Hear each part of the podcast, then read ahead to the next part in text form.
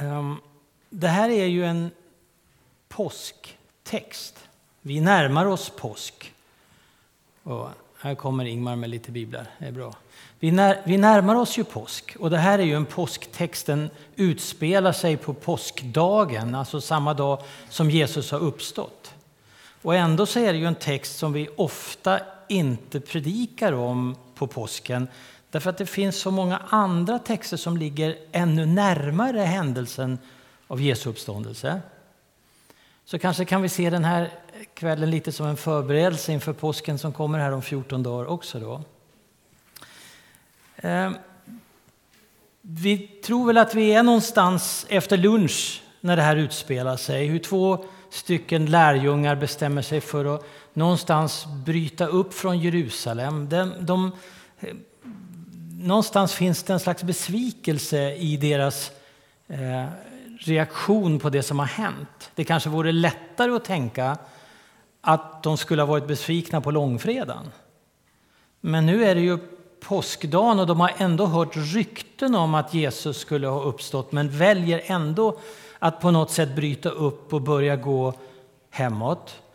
Och om man tittar i andra översättningar än som Thomas läste så, så står det att de inte bara samtalade utan de till och med diskuterade med varandra. Att man hade ett utbyte och var inte riktigt överens om vad det var som, skulle, som hade pågått. Vilka var de här två som vandrade från Jerusalem? Ja, den ena har vi ett namn på. Han kallas för Kleopas. Det finns ingen annan text i Nya testamentet som nämner någon som heter Kleopas. Men de flesta kommentatorer är ganska överens om att det borde vara samma person som i Johannes evangeliet kallas för Klopas, det vill säga utan e. Eh, och då skulle han ju vara en av dem som fanns med vid korset. Eh, och det, eller inte, han, det står att den som var med vid korset var Maria, Klopas hustru. Det här att stavningen är lite annorlunda, det är inte så märkvärdigt. Man var inte tydligen lika beslutsam om stavningen av namnet på den här tiden som vi är. Till exempel evangelisten Johannes vet vi inte hur han stavar sitt namn. För ungefär hälften av alla ställen så står det Johannes med två n och på andra hälften så står det Johannes med ett n. Det blir ju Johannes hur man än läser det. Liksom. Men vi vet inte vilket som är det som han verkligen skulle ha. Så Kleopas och Kleopas kan nog vara samma person.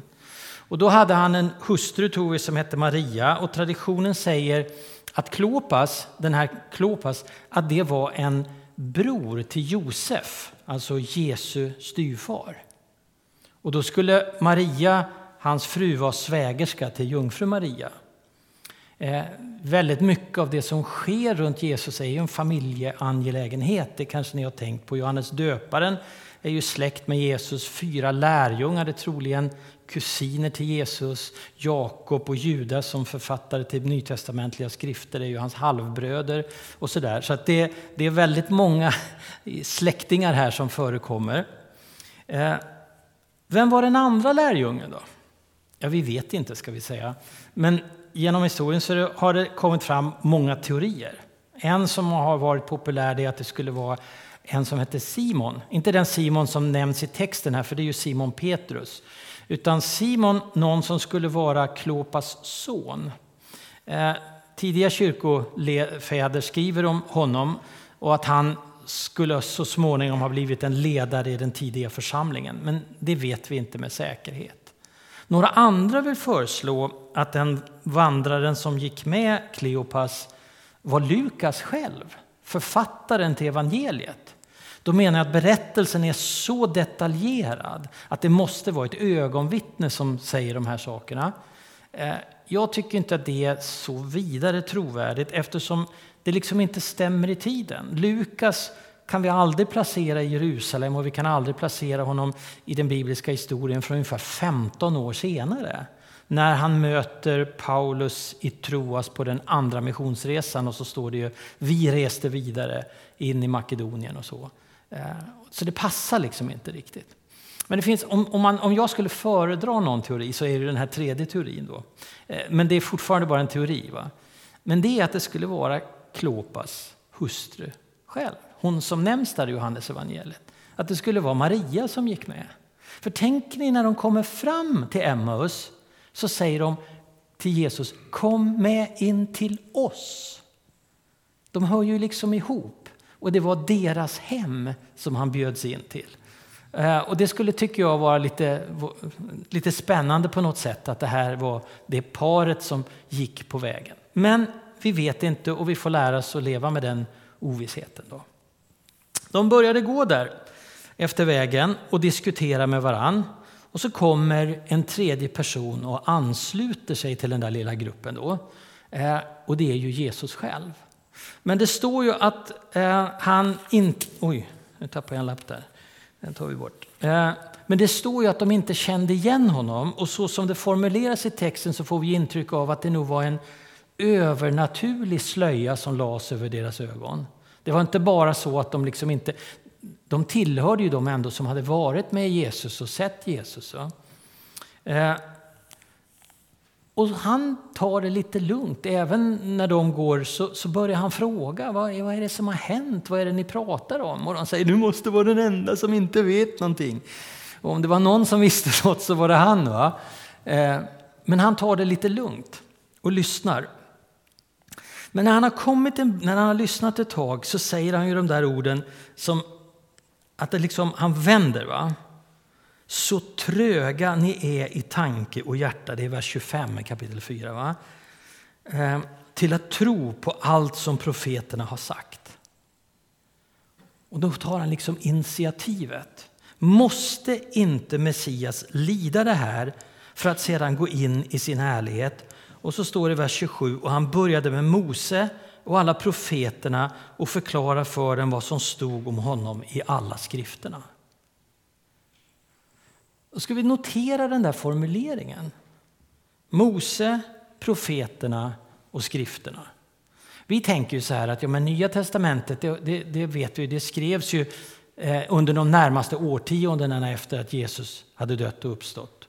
Från 50-talet någonstans fram till 90 efter Kristus. Men Gamla testamentet det är ju så gammalt, det har väl alltid funnits. Men så är det inte riktigt. Utan de här skrifterna i Gamla testamentet de kom att samlas och kanon, det som tillhör liksom den här heliga samlingen av skrifter, den kom att formas från 100 före Kristus till ungefär 100 efter Kristus.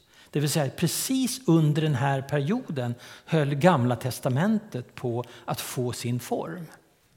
Och judarna delar in Gamla testamentets skrifter på ett annat sätt än vad vi gör. Den indelningen vi har den kommer från Luther, från 1500-talet ungefär.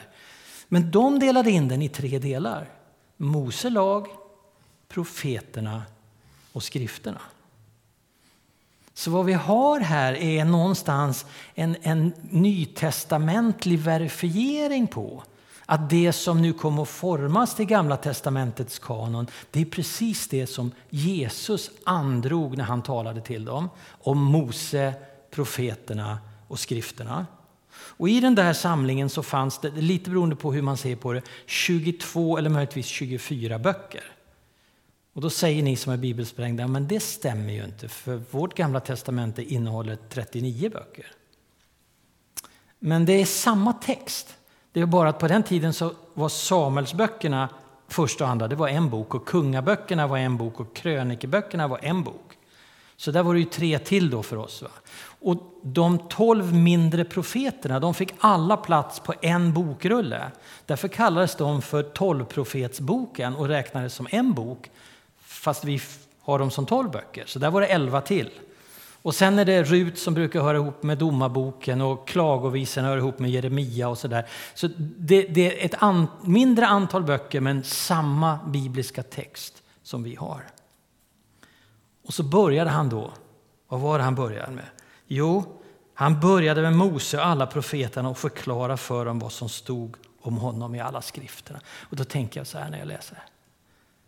Tänk om man hade varit där fått smyga fram som en fjärde person i den där lilla gruppen.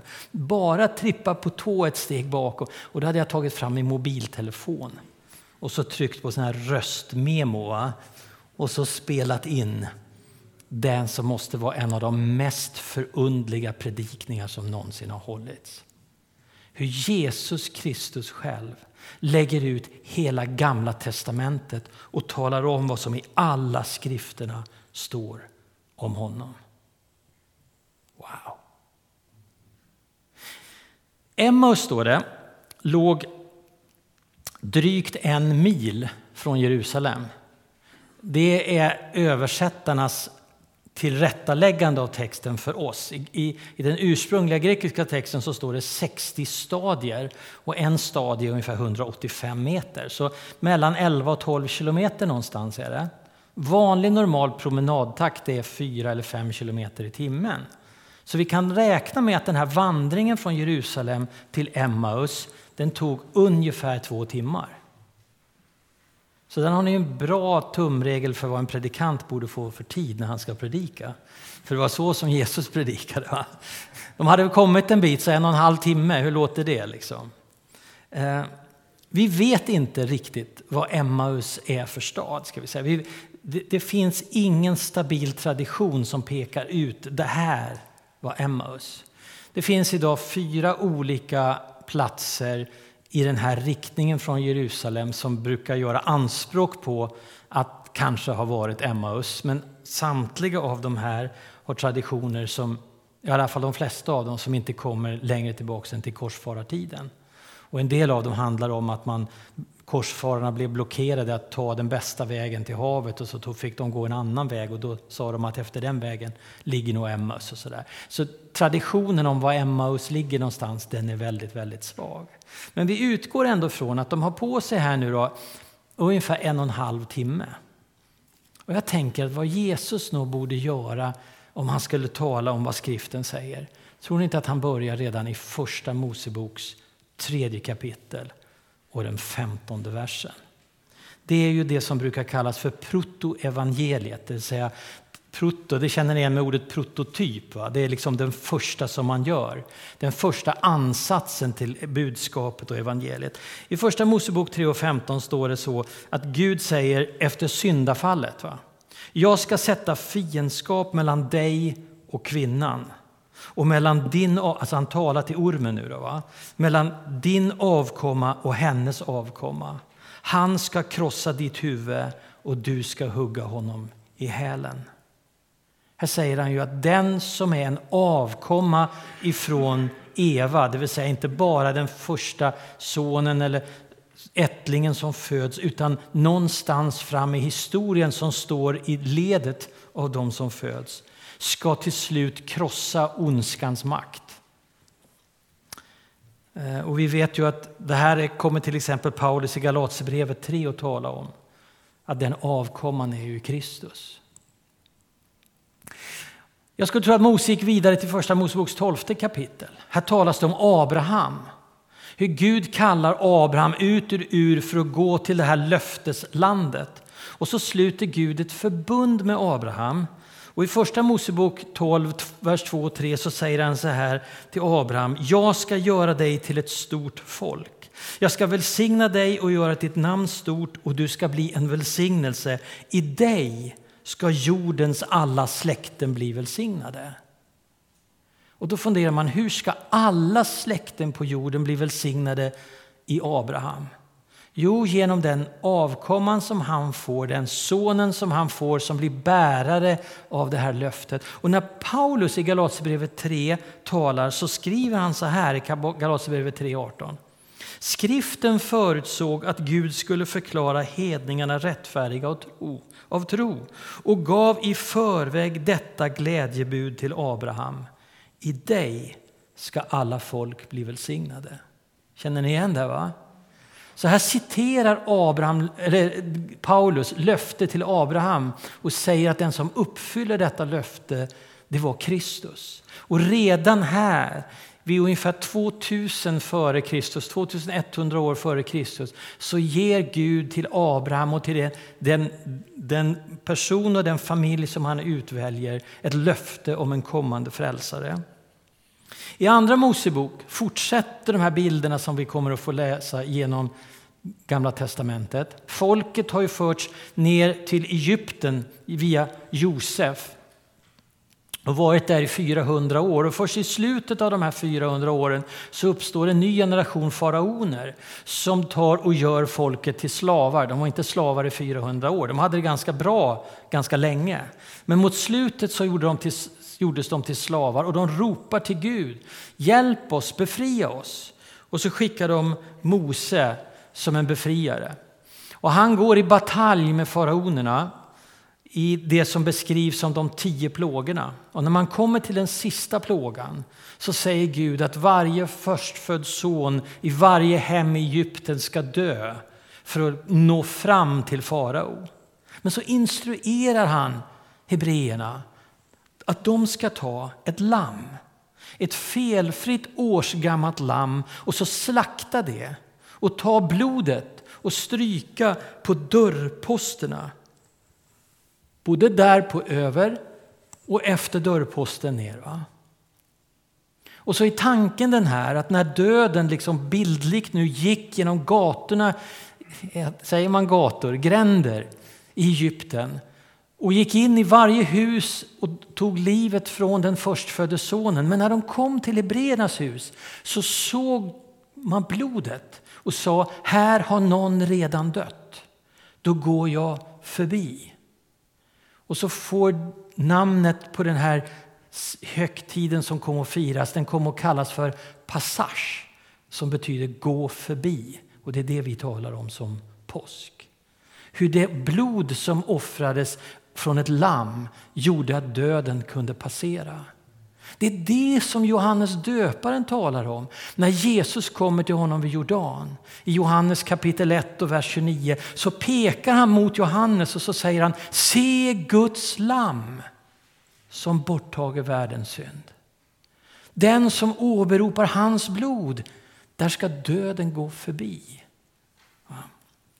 In i tredje Mosebok så börjar de instruera om offerkulten som man skulle ha i tabernaklet, det här tillfälliga tälttemplet som de byggde och senare i templet. Sju kapitel av, av, av, med fem olika offer. Men den stora höjdpunkten i tredje Mosebok är det sextonde kapitlet om den stora försoningsdagen. Då sa man till folket, att ni ska, till prästerna främst, då, ni ska välja ut två stycken bockar och så föra fram de här bockarna inför Guds ansikte i tabernaklet. Och man, man säger det inför Guds ansikte därför att Gud valde att synligen manifestera sig där i tabernaklet. På natten genom en eld som brann inne fast ingen hade tänt den och på dagen genom en molnstod eller en molnpelare som var ovanför. Tänk att leva med folket och kunde se Guds närvaro hela tiden bara genom att titta bort mot tabernaklet. Nu tog man de här två bockarna och så lottade man. Man singlade slant, jag säga. det gjorde man nog inte, men man, man lottade mellan dem. Och så tog man den ena bocken och förde in den till tabernaklet och slaktade den och offrade den som en betalning för folkets synd och utgöt blodet. Och ni ser hur, hur, hur liksom likheten med påskalammet är. Men den andra bocken, den la översteprästen sina händer på och bekände sin och folkets synder. Och sen tog man och förde den ut i öknen så långt bort man kunde och så släppte man bocken där. Och tanken är ju den att de här två tillsammans skulle ge en bild av försoningen genom Jesus Kristus. Att han å ena sidan offrades för vår skull så att vår synd kunde färdas så långt bort som möjligt från Guds ansikte och inte stå i vägen för möjligheten att träda fram inför Gud. I fjärde Mosebok drabbades de när de var fast i ökenvandringen i 38 år av att giftormar kom in i lägret. Och de blev bitna av giftormarna och det var risk att människor skulle dö. Och jag tror till och med att det var människor som dog. Men Gud instruerade Mose att säga gör en orm av koppar och sätt upp den på en påle, en stolpe mitt inne i lägret. Och jag lovar, säger Gud, att alla de som om de blir bitna av en orm bara riktar blicken upp mot den där kopparormen så ska de bli fria. Och, och, och, och giftet ska inte ha någon funktion. Och I Johannes tredje kapitel säger Jesus när han talar med Nikodemus. Så som Mose upphöjde ormen i öknen så måste Människosonen bli upphöjd. Det var alltså en bild på Kristus som höjdes upp. Och bara vi fäster blicken på honom och det han har gjort så får vi livet tillbaks. Kanske är det det som Hebreerbrevets författare tänker på när han i det tolfte kapitlet säger Låt oss ha blicken fäst på Jesus, trons upphovsman och fullkomnare. Det är inte vår prestation som räddar oss utan den blicken vi kastar mot det som han redan har gjort. I Josua, om vi fortsätter, vi får, vi får hoppa över några böcker här för vi ska hinna någonstans. Josua framställs Jesus som härföraren för Herrens här. Den som har makten. I Rut kommer Boas. Rut hon blir ju änka och kommer tillbaks till, till eh, Israel. Hon, hon kommer ju från, från eh, ett av länderna vid sidan om Moab. Men hon kommer tillbaks som en invandrare.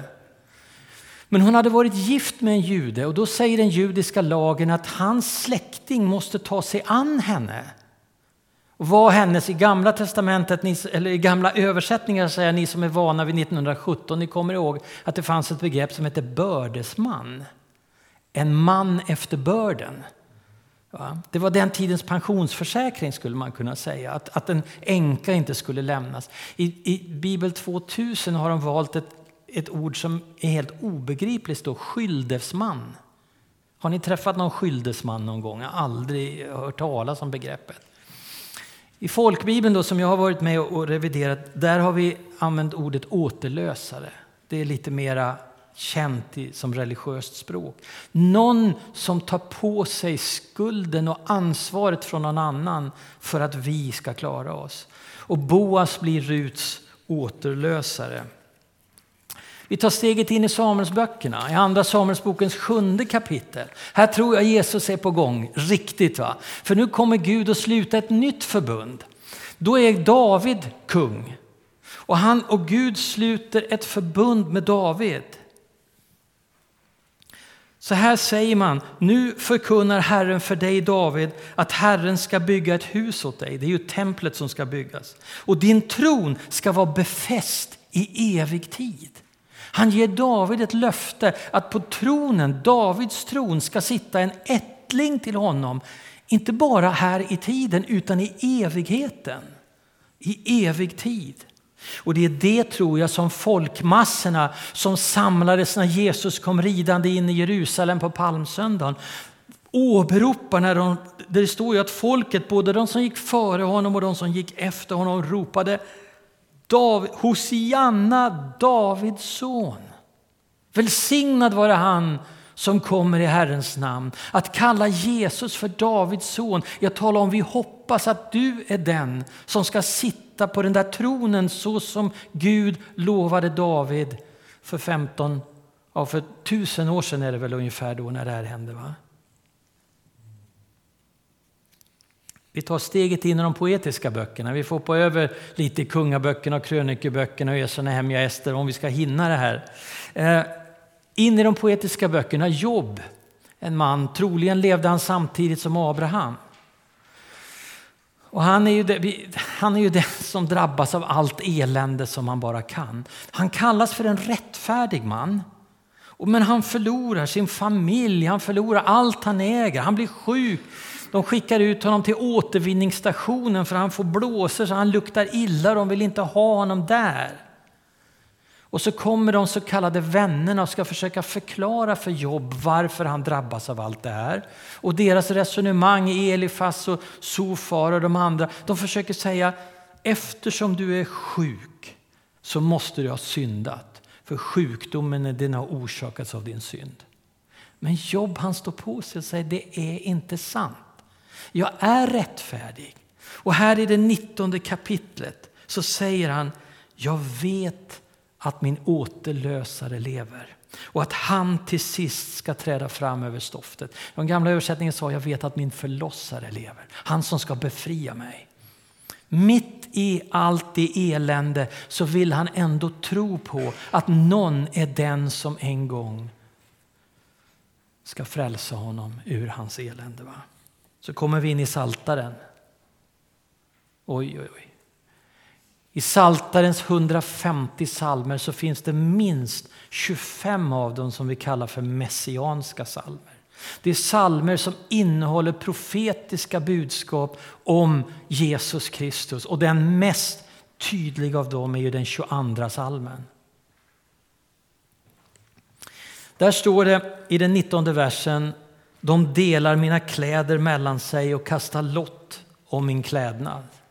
Det var precis vad soldaterna vid Jesu kors gjorde när han hade hängts upp. Johannes 19 och 24 säger skriften skulle nämligen uppfyllas.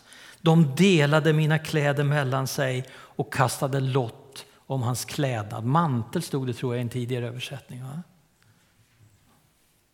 Och sen när Jesus korsfästes så ropar han med hög röst Eli, Eli, lemesa baktani som betyder min Gud, min Gud, varför har du övergivit mig? Ett direkt citat ur psalm 22 och vers 2.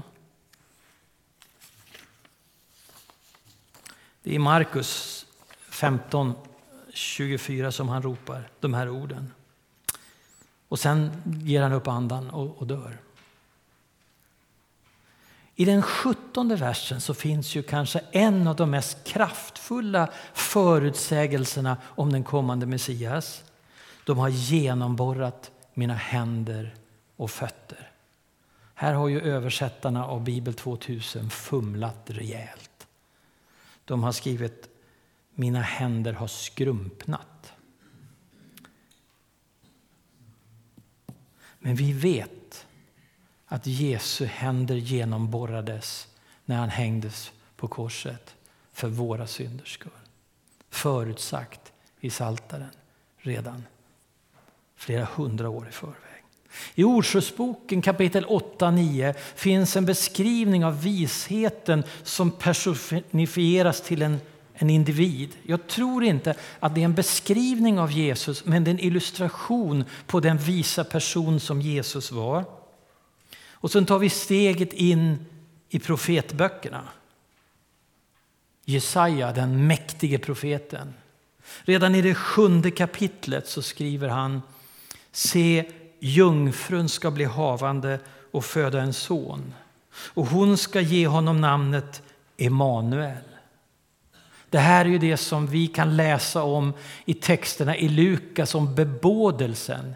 När ängeln kommer till jungfru Maria och berättar för henne att hon ska föda en son som ska vara Guds frälsare. Och namnet Emanuel betyder Gud med oss.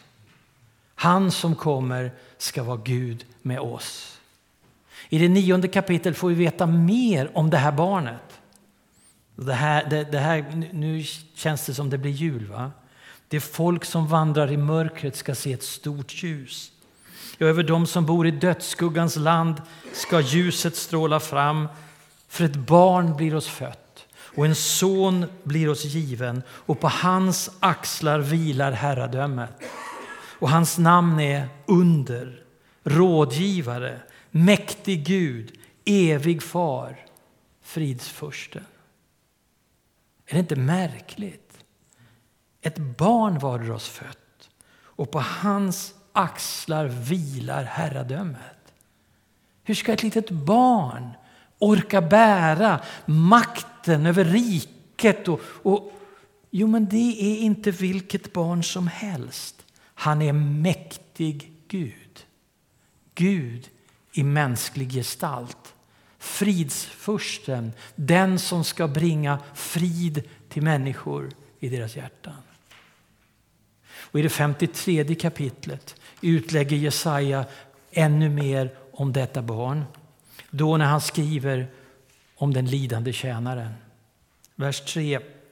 Han var föraktad och övergiven av människor, en smärtornas man och förtrogen med lidande. Han blev genomborrad. Här har ni det igen. Då, va? Han blev genomborrad för våra brott, slagen för våra synder. Straffet blev lagt på honom för att vi skulle få frid. Och i hans sår blev vi helade. Tänk vad Jesus själv skulle ha förklarat när han läste den här texten. Det var ju om mig det handlade, säger han. Och när Petrus senare i sitt första brev skriver så, an, så syftar han på de här texterna. Det är det andra kapitlet, den 24 och 25 versen. Petrus skriver, han bar våra synder i sin kropp upp på korsets trä för att vi skulle dö bort från synderna och leva för rättfärdigheten. Han pekar på att den här texten i Jesaja 53 mer handlar om att bli förlåten och befriad och helad från syndens konsekvenser än att det skulle vara att bli befriad från sjukdomar. Det är frälsningsverket det handlar om. In i profeten Jeremia. I det 31 kapitlet i Jeremia talar profeten om det nya förbundet. Se, dagar ska komma, säger Herren, då jag ska sluta ett nytt förbund med Israels hus och med Judahus. Detta är förbundet som jag ska sluta med Israels hus, säger Herren. Jag ska lägga min lag i deras hjärtan. I deras, ska se så jag säger rätt här nu då. Jag ska lägga min lag i deras inre och skriva den i deras hjärtan. De ska vara, jag ska vara deras Gud och de ska vara mitt folk. Det här förbundet skiljer sig nu från de tidigare förbunden Gud har slutit. Med Mose på Sinai berg fick de två lagtavlor med yttre bud, lagregler som ska följas och man fick använda all kraft man hade och uppbåda för att försöka klara av att leva som Gud uppenbarligen krävde. Och ingen lyckades och därför så inrättades offersystemet för att någon skulle kunna få betala priset för det som borde drabba mig men som Gud ville förskona mig ifrån. Men nu ska det vara ett nytt förbund. Inte med yttre regler utan med en inre förändrad människa som resultat. Det är någon som har sagt det. Alla religioner kan sätta upp regler för hur man ska leva. Men bara Jesus Kristus kan förändra människors sinnelag. Kristen tro levs inifrån och ut, inte utifrån och in. Det är inte ett kraven och prestationen vad du kan göra utan det är ett konstaterande av vad Jesus redan har gjort. Eller hur?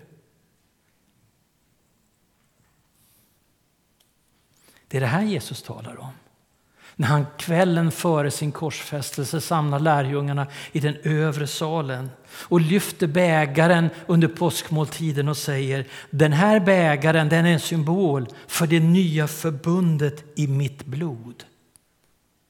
Det är ett blod som blir utgjuten för er skull. Det är ju inte nattvarden som är grunden för det nya förbundet utan det är ju Jesu död och uppståndelse. Döden på korset och uppståndelsen ur graven.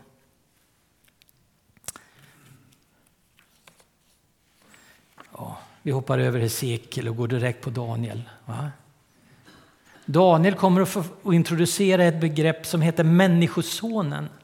Från början talas det om någon lokal på hans tid, men ju längre man läser ju mer förstår man att det syftar på någon som ska komma. Och Det är därför Jesus också kallas för Människosonen. Och ni förstår det begreppet. Människosonen, han är människa. Och sonen betyder att han är Guds son. Han är Gud och människa förenad i en person, det vi kallar för inkarnationen. Men mer fascinerande är ju en av Daniels bokens mest dramatiska kapitel, det tredje.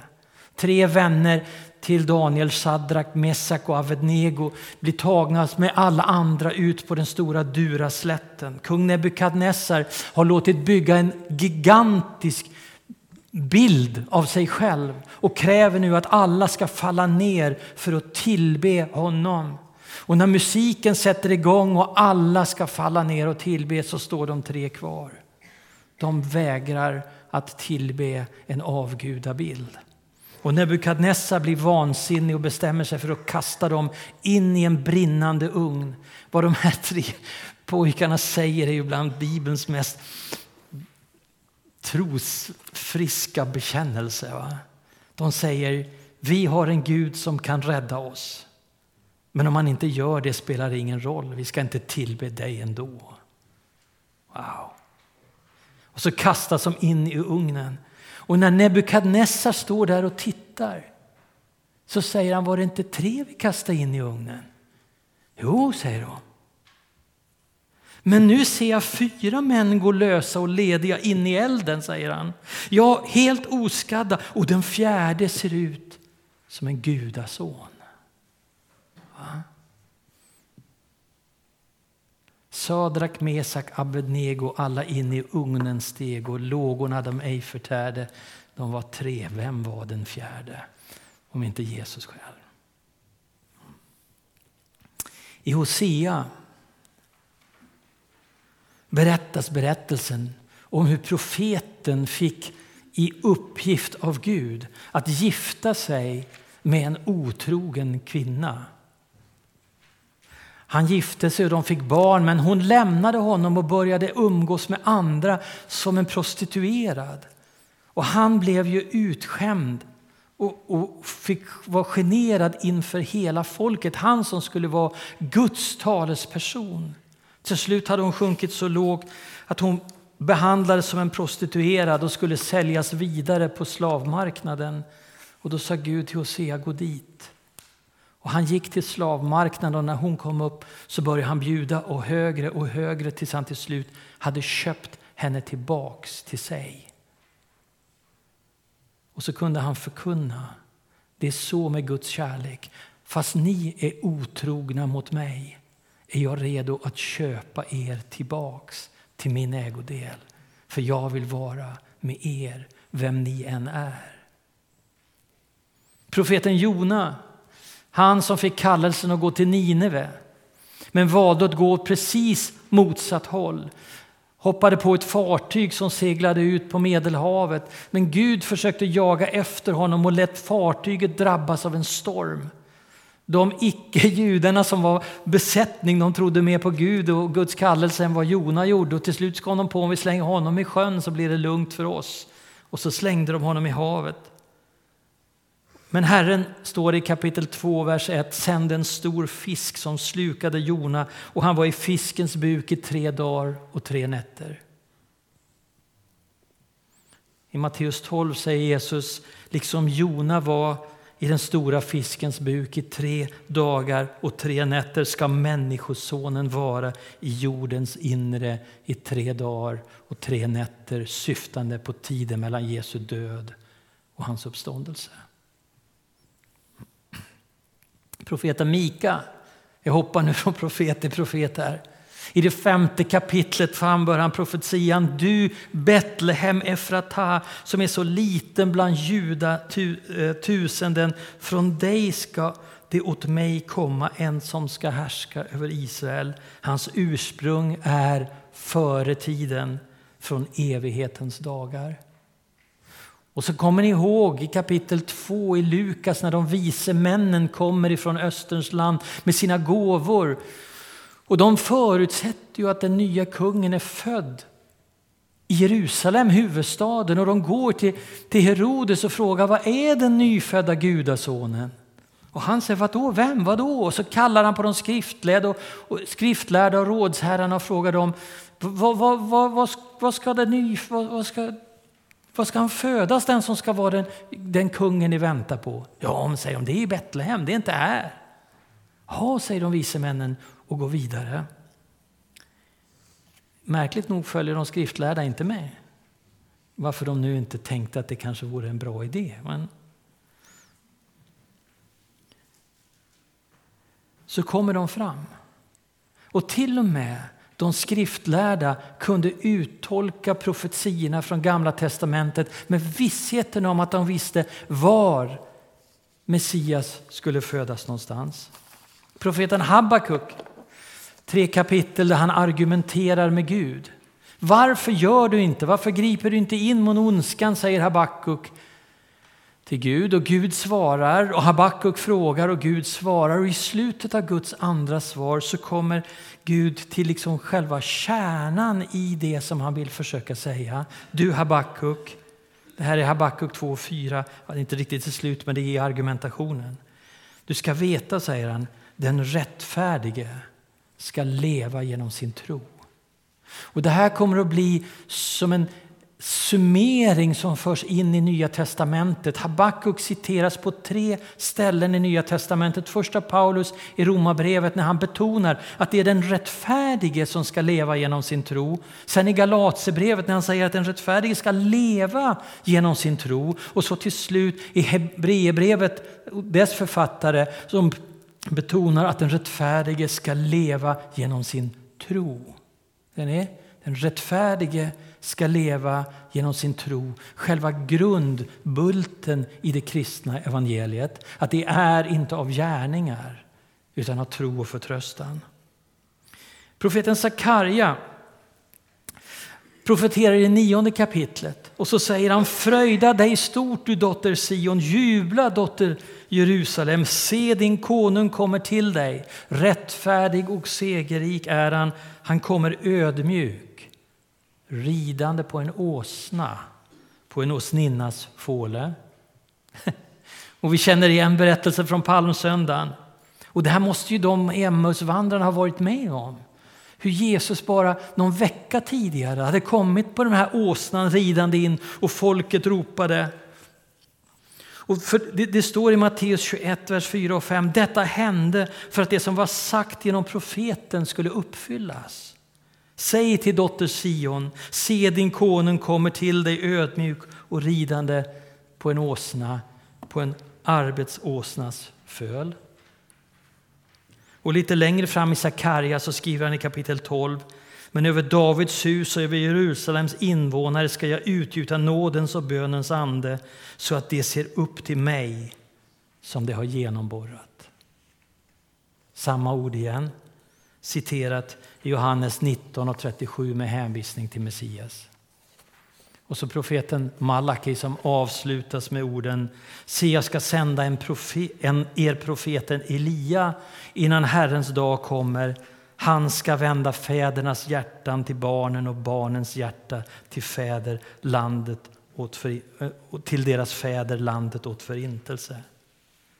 Och det här är det som sägs till Elisabet och Sakarja Sakarias menar jag, heter han ju.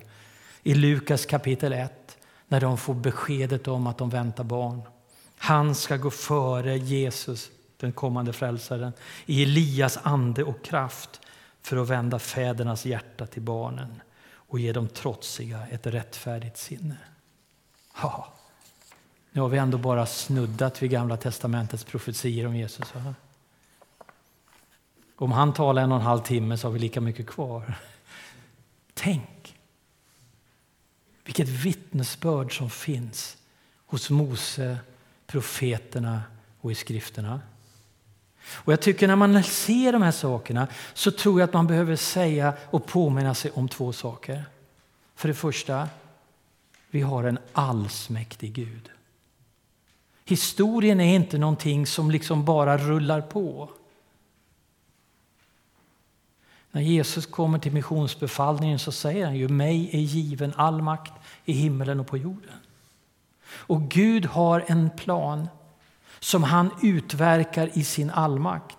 I Ordspråksboken 21 säger man konungar är i Herrens hand såsom vattenbäckar. Han leder dem vart han vill. Och vi ropar till Gud att han ska leda Putin en annan väg än vad han nu går. Men vi måste se Guds storhet. Det var liksom inte en nödlösning som plötsligt dök upp här år, runt år 30 någonstans. Utan detta var planlagt från tidernas begynnelse. Och det är det andra vi behöver notera. Det som vi kallar att Gud har en plan. Guds eviga rådslut. Som är hans plan från tidernas begynnelse till tidernas fullbordan. Och lika viss som de här profetiorna har uppfyllts i Jesus Kristus, lika viss kan vi vara att de profetier som nu kommer att finnas kvar om att Jesus ska komma tillbaka och att det ska bli en triumf där vi till slut ska få vara tillsammans med honom i evighet är lika sanna. Och det finns ett hopp och det finns en tröst i denna tanken på att Gud är allsmäktig och hans plan är den som förverkligas genom historien. Det är nästan så ni borde säga amen. Va? är det inte så? Tiden håller på att gå ifrån mig, men låt mig göra några små noteringar till. Vad var det Jesus sa när han började tala till dem? Sa han, lite förvånande brukar man tänka, så tröga ni är i tanken och hjärta till att tro. Och Det här är inte enda gången som Jesus är på lärjungar eller efterföljare. Till lärjungarna i Matteus 16 säger han, förstår ni inte det här? Och till Nikodemus, ni vet han farisén som kom till Jesus om natten, så säger han, Va, är du en av Israels lärare och förstår inte det här? Det är så att Jesus tycks ha en, en tanke att varje lärjunge, varje efterföljare till honom skulle ha en längtan att vilja fördjupa förståelsen av sin tro. Och förväntar sig av dig och mig att vi faktiskt skulle sträva efter att liksom aldrig vara nöjda med det vi har utan fortsätta vidare. Jag tror inte det är så att den som har gått flest år på teologiska högskolor eller universitet och är professor eller teologidoktor är mest andlig och så. Långt därifrån. Utan det här är efter var och ens förutsättningar. Efter din förutsättning, efter min förutsättning. Men att det faktiskt finns från Jesus en, en förväntan över att vi ska finna en glädje i att fördjupa vår förståelse av trons innehåll och betydelse. Och det här tycker jag är en utmaning. Vi har präster och pastorer här. Va? Det borde ju innebära att efter de möjligheter man har varje församling skulle erbjuda sina medlemmar möjlighet att få mer fördjupning än bara söndag förmiddagens predikan.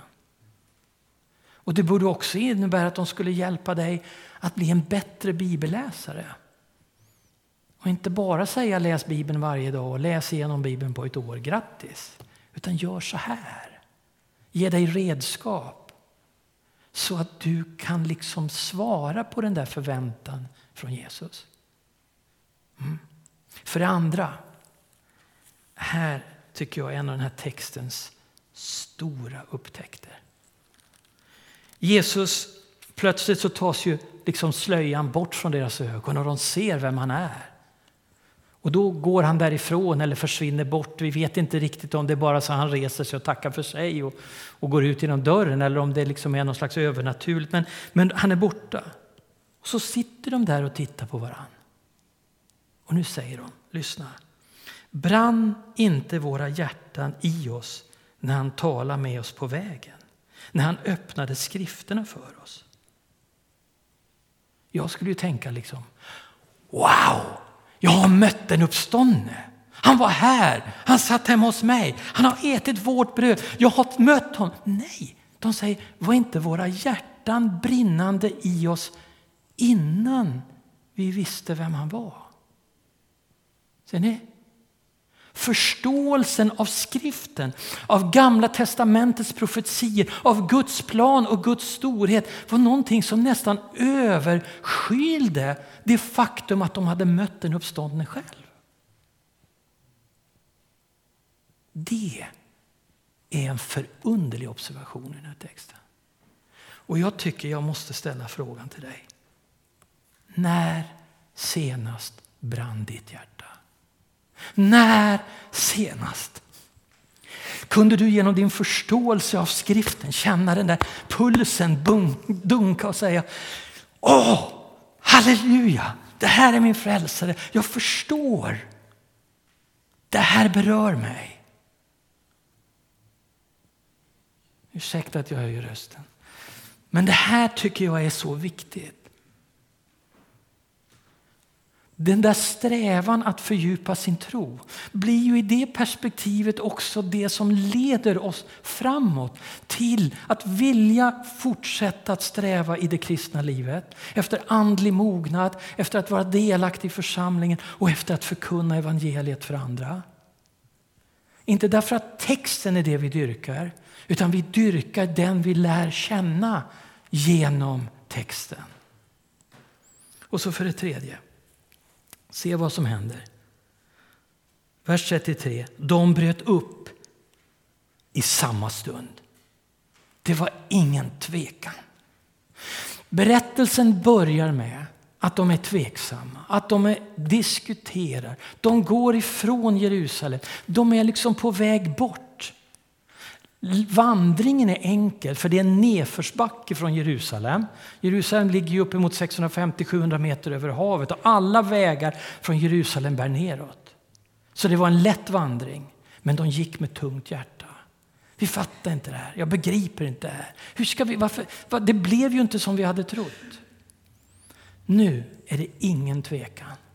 I samma stund bryter de upp. Det är sent på kvällen har vi ju förstått. Och så börjar de gå tillbaks. Nu är vandringen tung. Nu går det uppför. Men hjärtat brinner. Men hjärtat brinner. Och då är inga uppförsbackar för stora. Nu vill de tillbaks. De vill möta de andra lärjungarna. De vill berätta att vi vet att han är uppstånden för vi har mött honom. De vill bli vittnen för tron och vi vet att den här berättelsen kommer att leva vidare. Markus har den med i sitt evangelium i en förkortad form.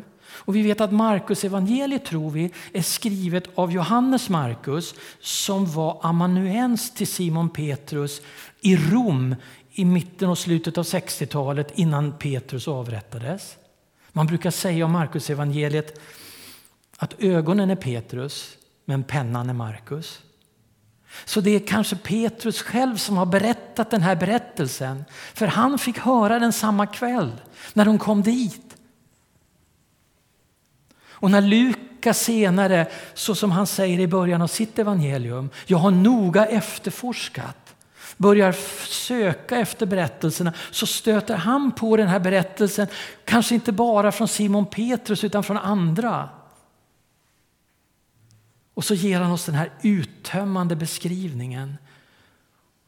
Och in i vår tid, 2000 år senare, så är det fortfarande Klopas och kanske Maria vars vittnesbörd får fortsätta att bekräfta att Jesus inte bara dog utan han också uppstod.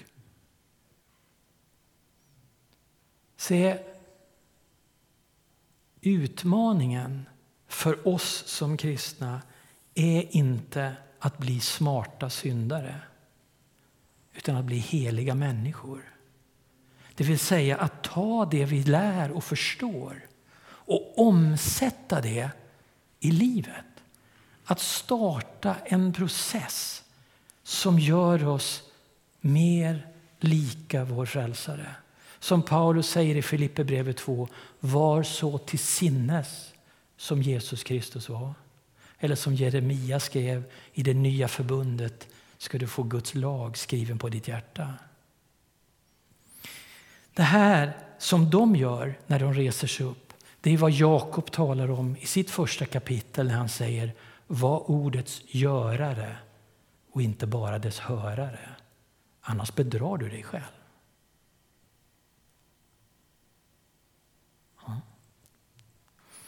Så finns det en sista tanke. Och jag lovar att det är den sista tanken. Men när jag tänker på den här berättelsen så tänker jag, kan de här två lärjungarnas vandring också vara en bild på våra vandringar? De hade inte gett upp tron, de hade inte kapitulerat totalt. De bara tyckte det var för jobbigt, det var för svårt. Vi fick inte ihop det, vi blev besvikna, nu, nu ger vi upp och går härifrån. Och så började de sin Emmausvandring bort ifrån lärjungaskaran. Och så tänker jag, finns du här som går din Emmausvandring? Det där att du har inte tagit ställning att lämna någonting, men det är inte riktigt som det var. Men i mötet med den uppståndne Kristus så kan hjärtat börja brinna igen. Och det finns en möjlighet att resa sig upp och gå tillbaka. Inte därför att församlingen är perfekt och inte därför att det inte finns frågor som vi söker svar på och inte därför att det inte finns saker vi inte kan reda ut. Men därför att han är uppståndelsen och livet. Därför att han vill möta dig som han mötte hemma hos lärjungarna. Och därför att han kan få ditt hjärta att brinna på nytt. Mm.